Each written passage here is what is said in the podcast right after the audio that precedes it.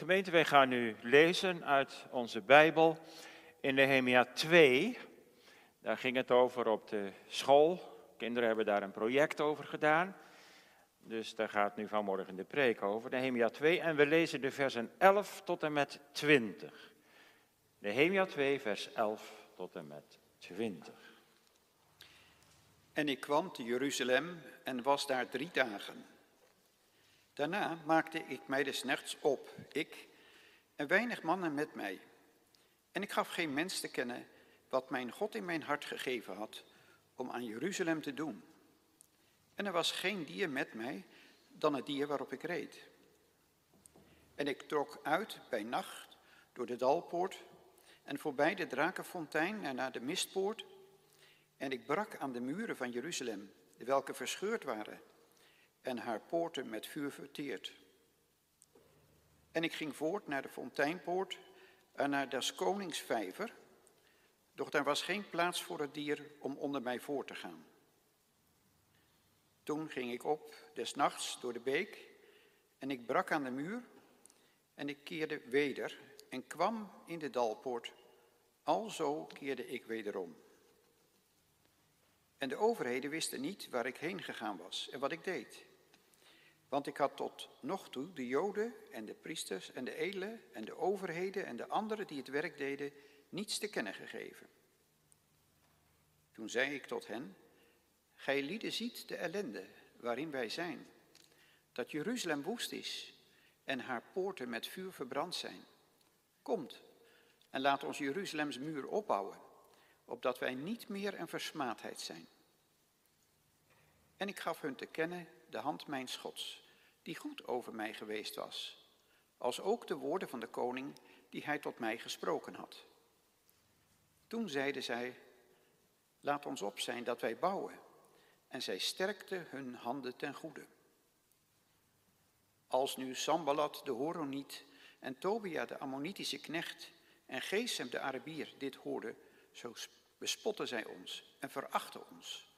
En ze zeiden, wat is dit voor een ding dat gij lieden doet? Wilt gij lieden tegen de koning rebelleren?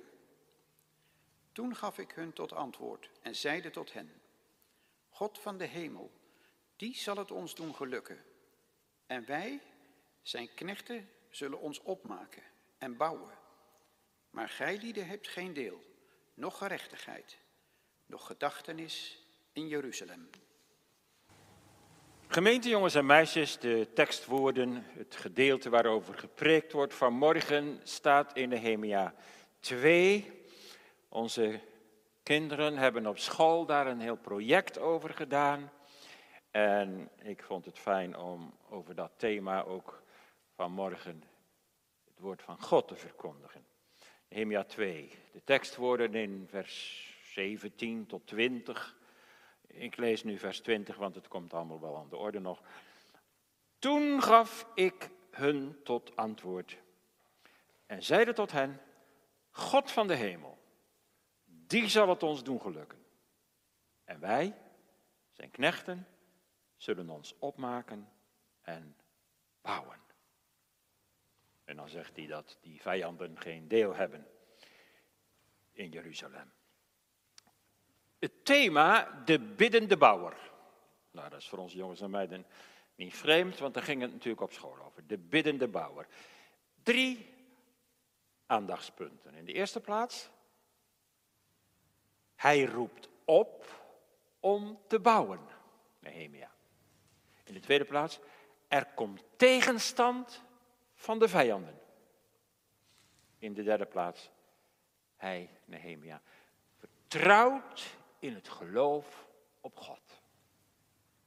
Dus de biddende bouwer, hij roept op om te bouwen.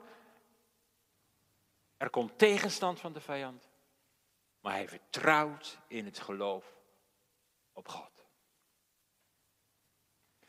Jongens en meiden, ik zal heel kort de geschiedenis op een rijtje zetten. Het, het verband van onze tekst Nehemia, Nehemia 1 en 2.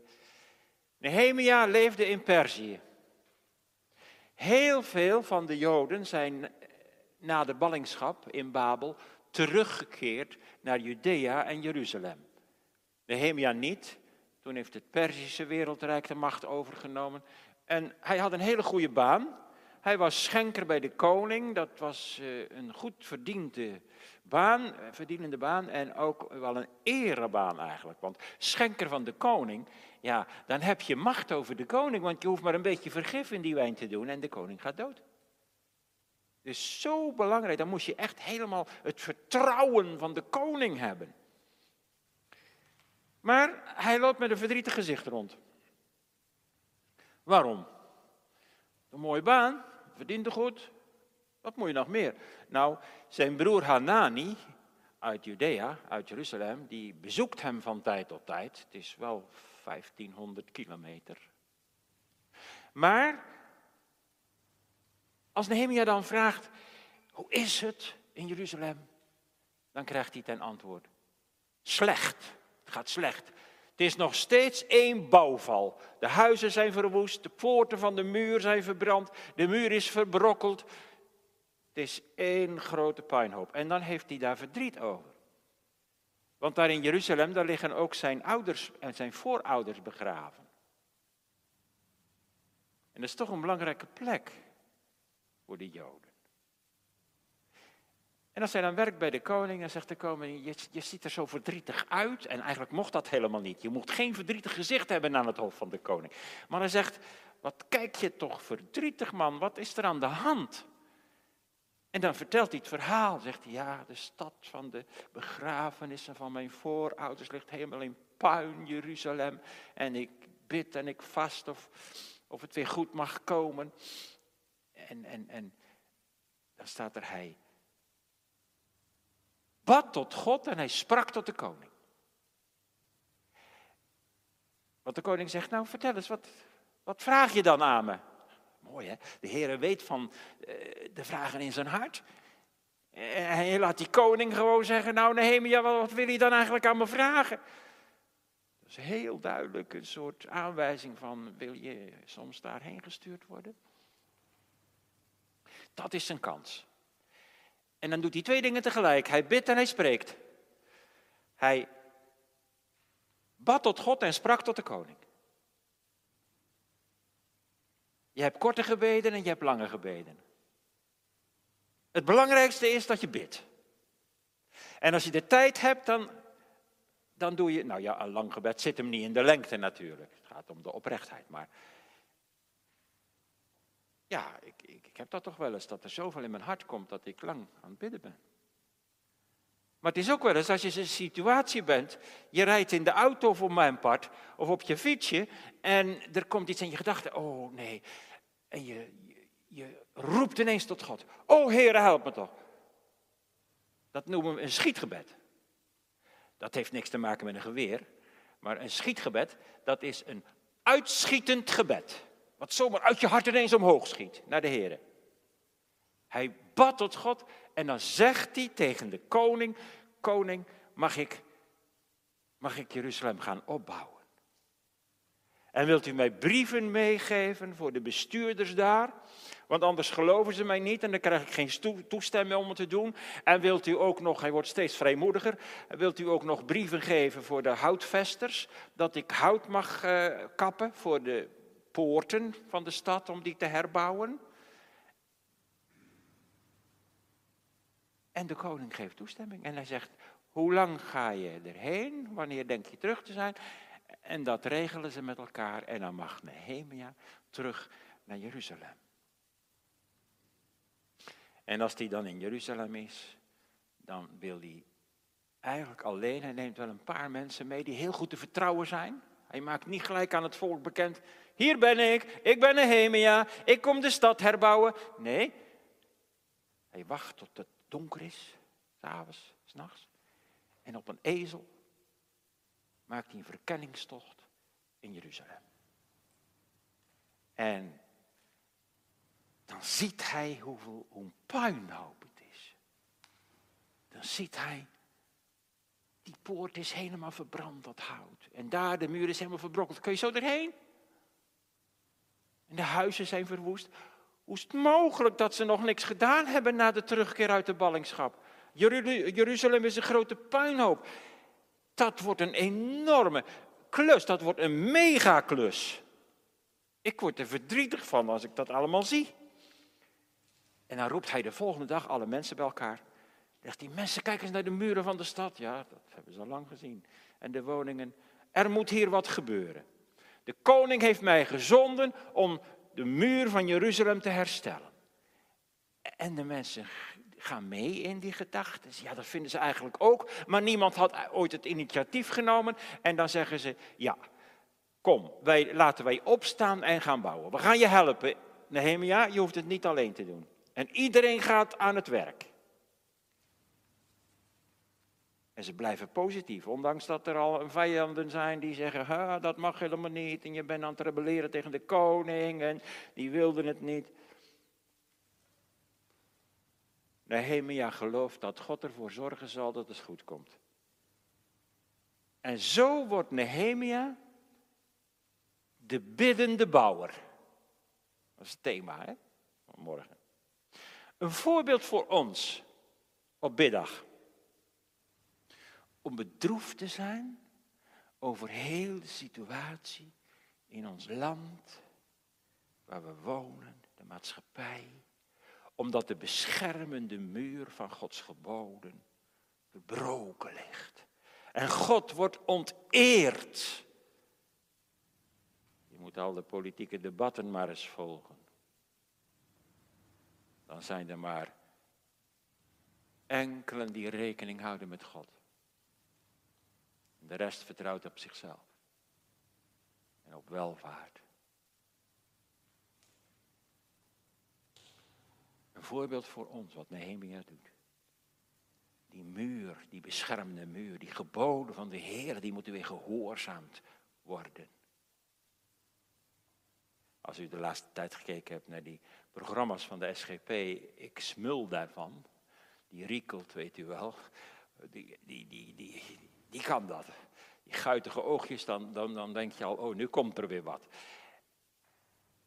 Prachtige thema's aan de orde gesteld. Ik ga daarop stemmen. En u mag ook een keus maken. Dat mag u zelf weten. Maar zie je hoe belangrijk het is dat die muur van Gods geboden weer overeind gehaald wordt. We moeten doen wat we kunnen. Bidden en werken, want dat doet Nehemia. Hij bidt en hij werkt. Dat betekent, hij is dus zelf bereid om ingeschakeld te worden. Here, ik ben tot uw dienst. Ik wil mijn krachten ervoor geven.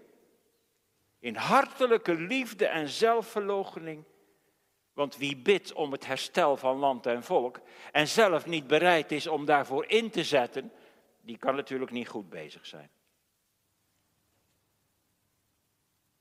Ben jij bereid om mee te werken? Bid je wel eens voor de burgemeester en de gemeenteraad?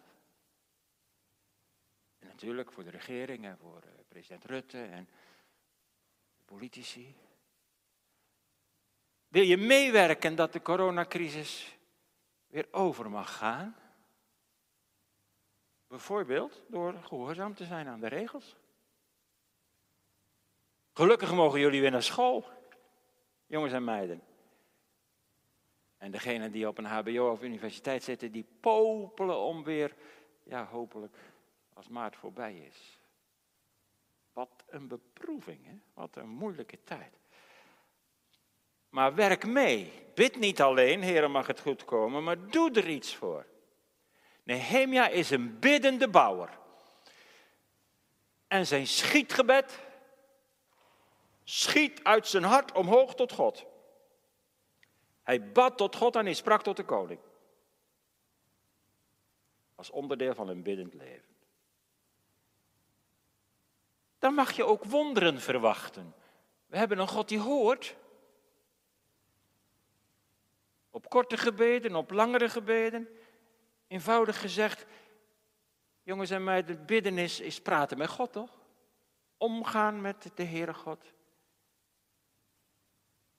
Als je maar bidt. Zoals je, je lichaam niet zonder zuurstof kan, kan je ziel niet zonder gebed. En in het gesprek met God leren we de Heer kennen en lief krijgen. Als we bidden, werkt God in ons. Als we bidden, gaat God aan het werk. Hij gaat iets doen. In ons hart en om ons heen. Soms nemen jullie de tijd om met je ouders te praten. Of je ouders om met jullie te praten. En dat is heel belangrijk.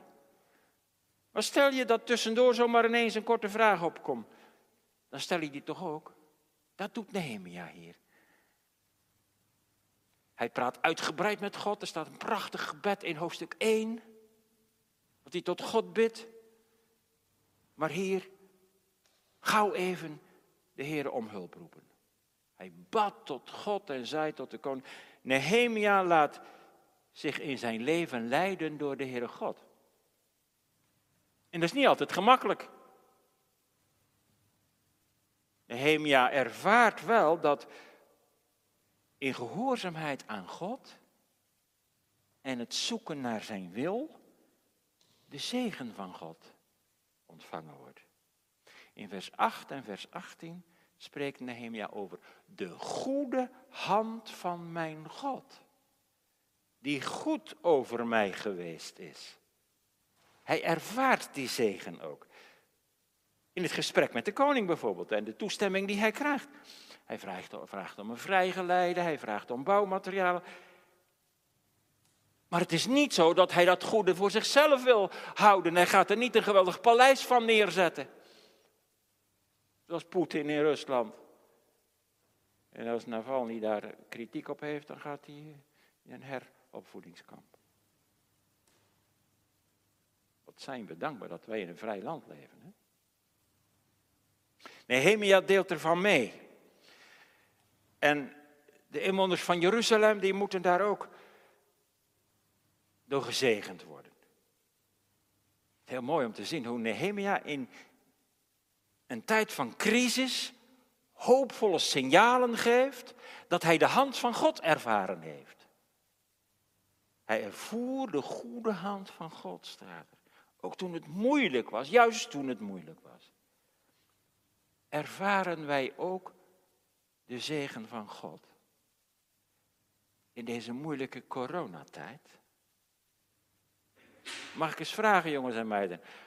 Wat heb jij in deze coronatijd geleerd wat je anders niet geleerd zou hebben? Geduld, misschien. Dat het soms anders gaat dan je zelf wil. En dat je het daarmee eens wordt. Teleurstelling accepteren. Wat geeft nog zekerheid vandaag? Ja, de vaccinatie, ja. En als het virus muteert, dan zeggen ze over een half jaar, ja, nu werkt het niet meer en nu moet er weer een iets anders komen.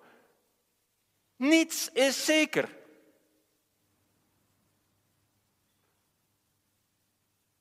En als je dat beseft, dan zul je steeds meer naar de Heer toe kruipen en zeggen, Heer, u bent de enige zekerheid in mijn leven. Want u doet wat u zegt. En u maakt uw belofte waar. En u zegt, roep mij aan in de dag van benauwdheid en ik zal je eruit helpen. En jij zult mij eren. Is dat toch rijk? Om dicht bij de Heer te mogen leven en, en, en, en uit de Bijbel te mogen leven. Laten we op deze middag veel bidden om ook om persoonlijke geestelijke opbouw. Maar ook, en daar is het biddag voor, om Gods zegen over ons dagelijks werk. Opvallend is dat in onze tekst en in het hele boek Nehemia heel vaak het woordje werk voorkomt. Ik kan zo een hele rij teksten opnoemen, maar die kun je ook zelf vinden als je een bijbelprogramma hebt. Ik las heel vluchtig even, toen was ik al tot twaalf. Het woord werk. op deze biddag mogen God zegen vragen over ons werk. Of dat nu op school is, of in de maatschappij, of thuis als moeder, in je gezin. Ons werk. Het is goed om erop te letten hoe de Bijbel spreekt over werk. Want dan gaat het niet alleen maar over werken voor geld. Een goede baan. Je inkomen. Maar eigenlijk gaat dat over elke inspanning. Ook die dingen die een beroep doen op onze creativiteit. Ook vrijwilligerswerk. Volgens de Bijbel bestaat ons leven in een opeenvolging van werken en rusten. God heeft ons geschapen om te werken. En hij gaf één rustdag. En zo mogen we bevrediging vinden en voldoening. Hebt u dat ook, gemeente? Of heb je eigenlijk liever vakantie? Moeders in uw gezin. U hebt er toch wel voldoening in om voor uw kinderen te zorgen. Schitterende taak. Ik denk de mooiste van alle taken. Het scheppingsverhaal spreekt over de hof van Eden en Adam, die moest de hof bewerken. Werken is geen gevolg van de zondeval. Ja, wel de dorens en de distels en de mislukte oogsten, dat wel. Maar God heeft ons geschapen om te werken. En dat blijft ook in het hiernamaals, in het Nieuwe Jeruzalem. En zijn dienstknechten zullen hem dienen. En die dienstknechten, dat zijn niet alleen maar dominees of zo, of ouderlingen, maar dat is iedereen die de Heer vreest. Werken is een zegen. Werkloos zijn is een zware beproeving. Hoeveel mensen zijn er werkloos geworden door de, door de crisis? Gewoon bedankt. Kon niet meer uitbetaald worden, er was geen werk, de winkel ging dicht.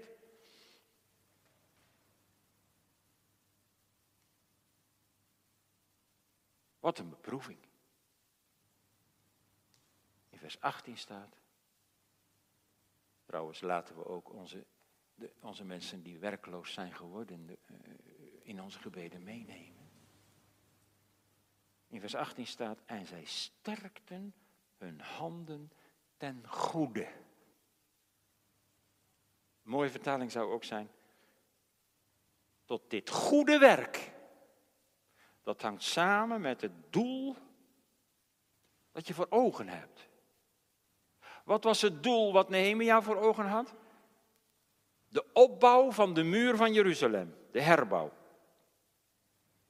Het werk in Gods koninkrijk ligt er een lijn vanuit ons werk naar het rijk van God. Daar hoef je geen geestelijke voor te zijn. Maar het gaat er gewoon om, bedoelen we de Here en zijn eer. Wat is het doel van je werk? Waar leef je voor? Voor God? Als dat doel ontbreekt, dan komt de verveling. En dan zie je je werk als een noodzakelijk kwaad. Dan werk je niet in geloof, maar in ongeloof. Dus laten we allemaal de toepassing maar maken voor onszelf. Waar werk je voor? Voor wie? Ja, voor mijn gezin.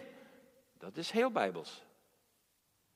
In het kader van de opdracht van de Heer.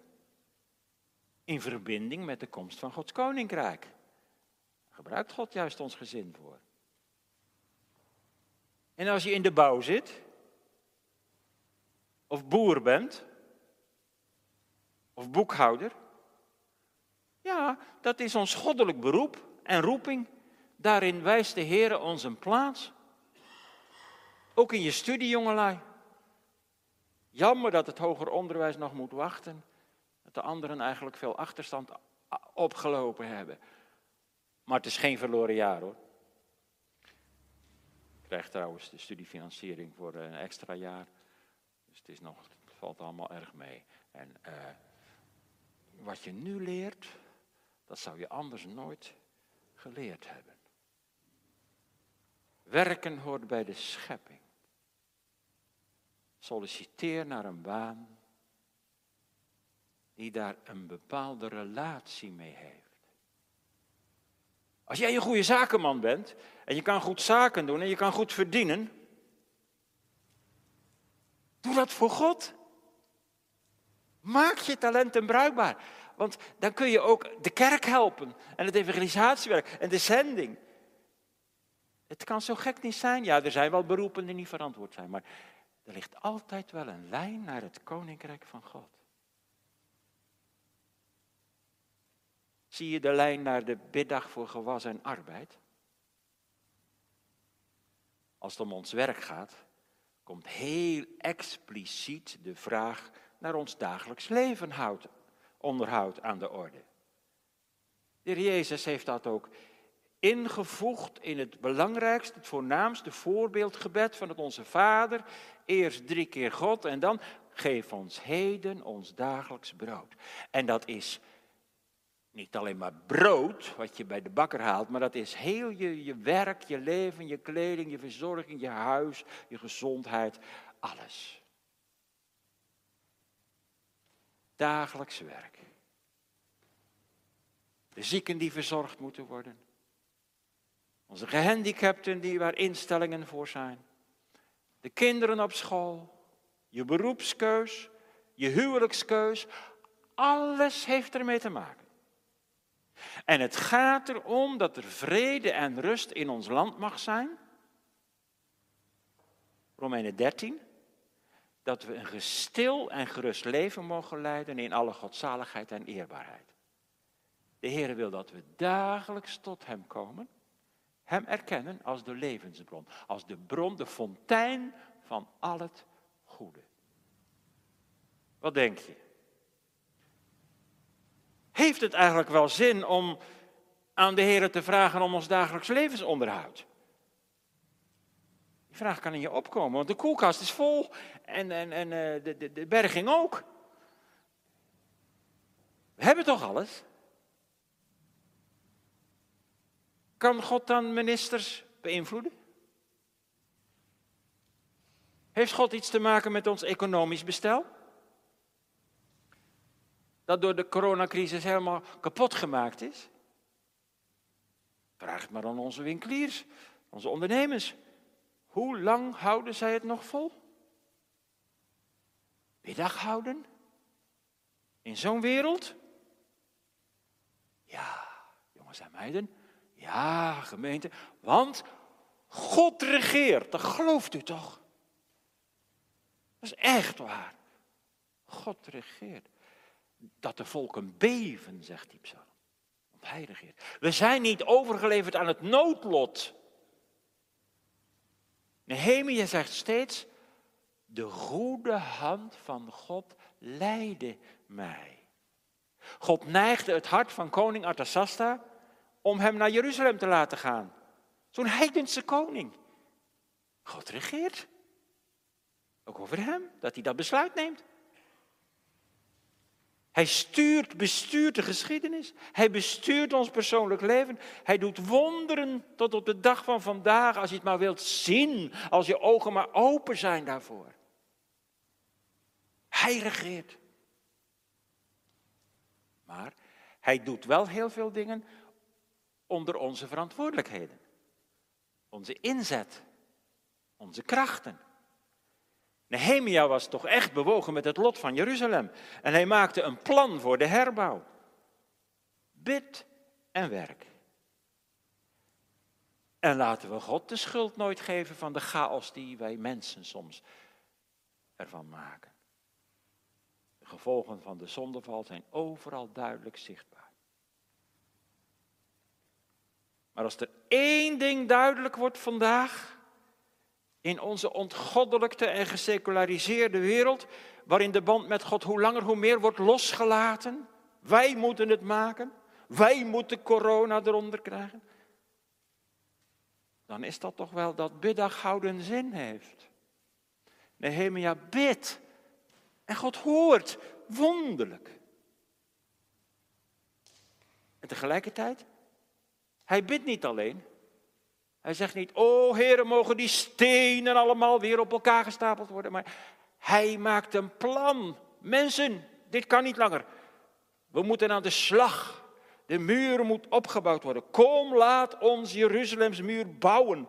En toen zeiden ze, laat ons op zijn dat we bouwen. En zij sterkten hun handen ten goede. Maar dan komt er verzet. Vijandschap en beproeving. Daar gaan we nu op letten. Er komt tegenstand van de vijand. Lees maar mee in vers 19. Als nu Sambalat, de Horoniet en Tobia, de Ammonitische knecht en Gezem, de Arabier, dit hoorden, zo bespotten zij ons en verachten ons. En ze zeiden, wat is dit voor een ding dat gij lieden doet? Wilt gij tegen de koning rebelleren? Jullie komen in opstand tegen de koning. Er komt vijandschap, verzet. De tegenstanders worden actief en vijandig. Ze grijpen naar het wapen van de spot en van de verdachtmaking.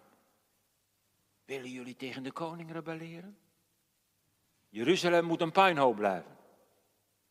Ze komen in het geweer. Sambalat, de Moabiet, de landvoogd van het noorden. En Tobia, de Ammoniet, de landvoogd van het oosten. En Gesem, de Edomiet, de landvoogd van het zuiden. Ze verzetten zich met hand en tand. Jeruzalem mag niet herbouwd worden. Ze maken de zaak belachelijk. Ze spreken verachtelijk. En ze proberen het vertrouwen van de Joden aan het wankelen te brengen. Ze brengen ook een vals getuigenis in. En suggereren dat dit opstand is tegen de koning. Dat is pure laster. Echt werk van de duivel. De duivel probeert altijd tweedracht te zaaien. Later lezen we ook dat ze openlijk geweld gebruiken. En Nehemia en zijn mannen zich noodzaken om zich te bewapenen. Dan werken ze met troffel en zwaard. De troffel in de ene hand, in het bouwen en het zwaard om de vijand van zich af te houden. Zie je wel, jongelui? Gemeente? Zo gaat de duivel te werk belachelijk maken, laster uitstrooien, openlijk verzet organiseren. Wees maar op je hoede. Nehemia krijgt heel wat te verduren. Eerst ziet hij dat de, de muur van Jeruzalem totaal vernield is. En dan al die tegenstand en die vijandschap. Ja, daar moeten we gewoon maar rekening mee houden in de dienst van God dat dat er altijd zal zijn. Je krijgt soms alles tegen. Het geloof wordt beproefd en gelouterd en op die manier versterkt. Dat zie je soms pas achteraf hoor. Ook als kind of tiener kun je tegenstand krijgen in je leven. Ik denk aan pestgedrag. Buitengesloten worden. Verlieservaringen door overlijden of ziekte of een handicap. In geestelijke zin kun je denken aan de vervreemding die het evangelie oproept. Dat je vreemd aangekeken wordt. Als je op een niet-christelijke school zit bijvoorbeeld. Op een sportclub. Of in de buurt. Maar jongelui, jullie mogen bemoedigd worden door wat je hoort over Nehemia. Dit verhaal kan je echt helpen om op God te vertrouwen.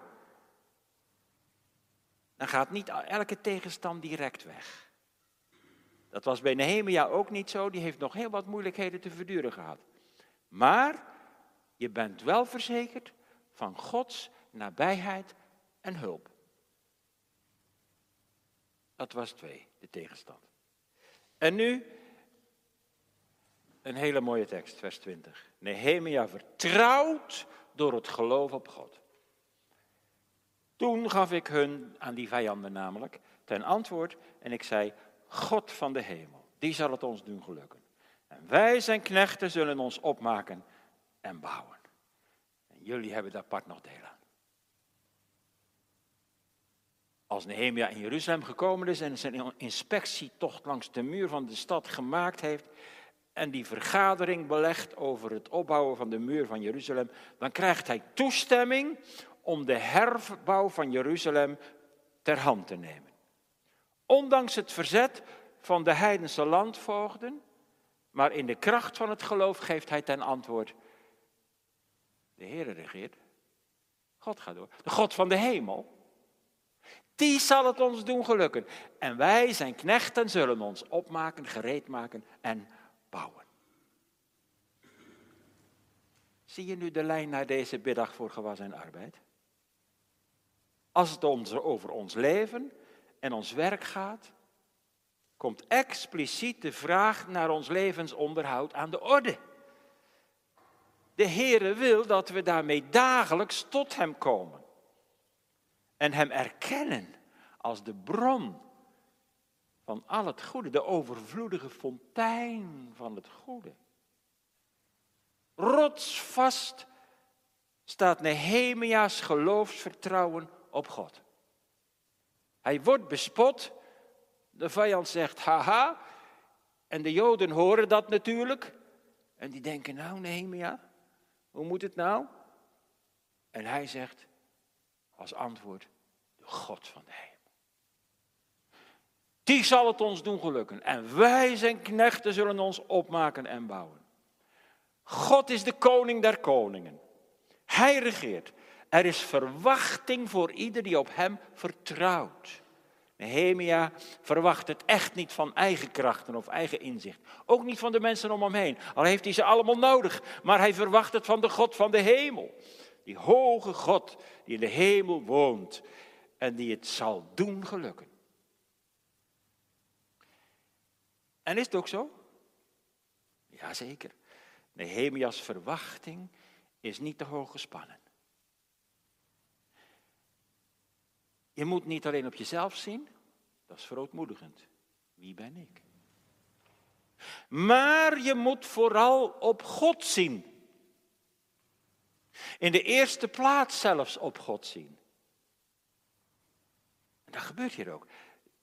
Je moet maar eens opletten op de volgorde. Hij zegt niet, nou mensen, wij gaan aan het werk. En dan zal de Heer zijn zegen wel geven. Nee, dat is de verkeerde volgorde. Hij zegt het goed. We zien op God. God is de eerste. Hij begint bij God. Het is zijn plan dat hij Nehemia in zijn hart gaf. En daarom is het niet wij en dan zal God ook wel. Maar God, die zal het ons doen gelukken. En wij, ja, wij moeten niet werkloos toezien. Wij moeten ons opmaken en ijverig bouwen. Mooi is dat, hè? Vind je niet? Tegenover de spot van de vijanden staat Nehemia's geloofsverwachting alleen op God. En Nehemia spreekt deze woorden uit als ze nog moeten beginnen. Dat is ook een punt. Dus van tevoren, niet achteraf als alles gelukt is. Hij zegt dit in het geloof, in volkomen vertrouwen op God. De God van de hemel, die alles geschapen heeft. De God van de hemel, die voor Israël de God is van het genadeverbond. Alles is genade. God ziet in Christus in genade neer op zondaars. Omwille van Christus. Hij wil dat zondige verloren mensen hem in genade als vader aanroepen. Hij wil ze verzorgen, al het kwaad van ze weren. Denk niet te klein van God, gemeente, als je voor een barrière staat. Als je weet, hoe kom ik hier doorheen? Zeg dan maar, ik weet het ook niet. Maar ik vertrouw op God. God heeft zijn eigen zoon niet gespaard om ons te verlossen en eeuwig te redden en onze schuld te betalen. Zou hij dan niet voor al die andere dingen die ik in mijn leven nodig heb zorgen? God van de hemel zal het ons doen gelukken. Hij zal de bouw van Jeruzalems muur voorspoedig maken. Hij zal de vijand verslaan en Nehemia en zijn helpers bijstaan. En dat is ook helemaal uitgekomen. Ondanks alle moeilijkheden die Nehemia nog ondervonden heeft tijdens de bouw, heeft God het gebracht tot de voltooiing. In 52 dagen, nota bene, dat is een enorme korte tijd. In 52 dagen is de bouw van de muur klaar, gelukt. En dan wordt die heel feestelijk in gebruik genomen. Hij zal het ons doen gelukken. Dat woordje gelukken vanuit het Hebreeuws betekent ook geluk verlenen. Vrede schenken. Als de muur herbouwd is en de vijand verjaagd, komt er vrede. En daar bidden wij ook om met biddag, toch? Om nationale vrede, om werkgelegenheid, gezondheid, voedsel, kleding, arbeidsvreugde, wijsheid in de opvoeding, wijsheid voor de regering. God zegen over je zaak, God zegen over je boerenbedrijf, God zegen in de zorg. Alle arbeid in Gods koninkrijk. We mogen ook bidden om het einde van de coronacrisis. En de middelen gebruiken. Dus dat woordje gelukken, dat betekent ook niet alleen dat de muur gebouwd wordt, geslaagd, maar dat God geluk geeft. Ten diepste wijzen deze woorden op de vrede met God. De shalom. De verzoening met God. De vergeving van zonden. Door het bloed van de Heer Jezus. Heb jij dat geluk al gevonden? Want dat overstraalt al je andere werk. Als je met God verzoend bent, dan ben je echt gelukkig. En wij zijn knechten, wij zullen ons opmaken, toebereiden, onze krachten geven en bouwen. Gedreven door de liefde tot God en zijn koninkrijk.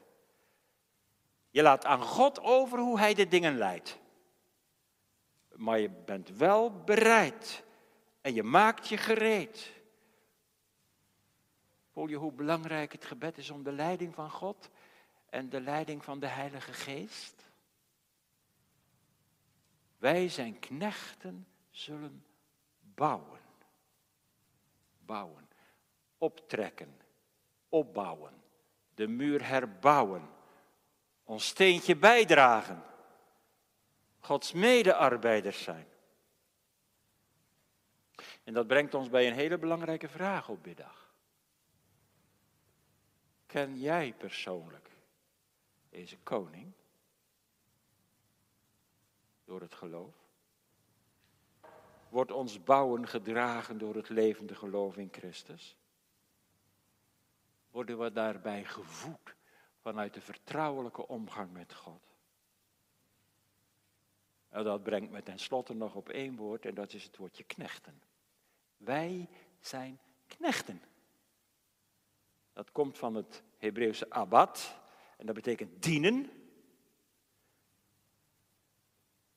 U hebt misschien wel eens gehoord van de term Ebed Yahweh. Dat is de knecht des Heren. Dat wijst op de Heer Jezus Christus. Knechten. Knechten zijn knechten, dat zijn niet de bazen. Knechten moeten niet de baas spelen, maar dienen. In zelfverlogenende liefde naar het voorbeeld van de Heer Jezus. Wij zijn knechten.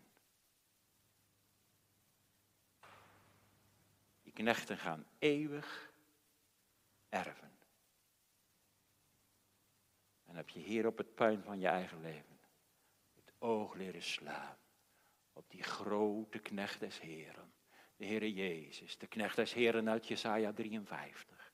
We zouden geen biddag kunnen houden zonder Jesaja 53, zonder het bloed van het lam die zich overgeeft, door welk striemen ons genezing wordt als God je geneest van corona, komt dat alleen door het bloed van de Heere Jezus.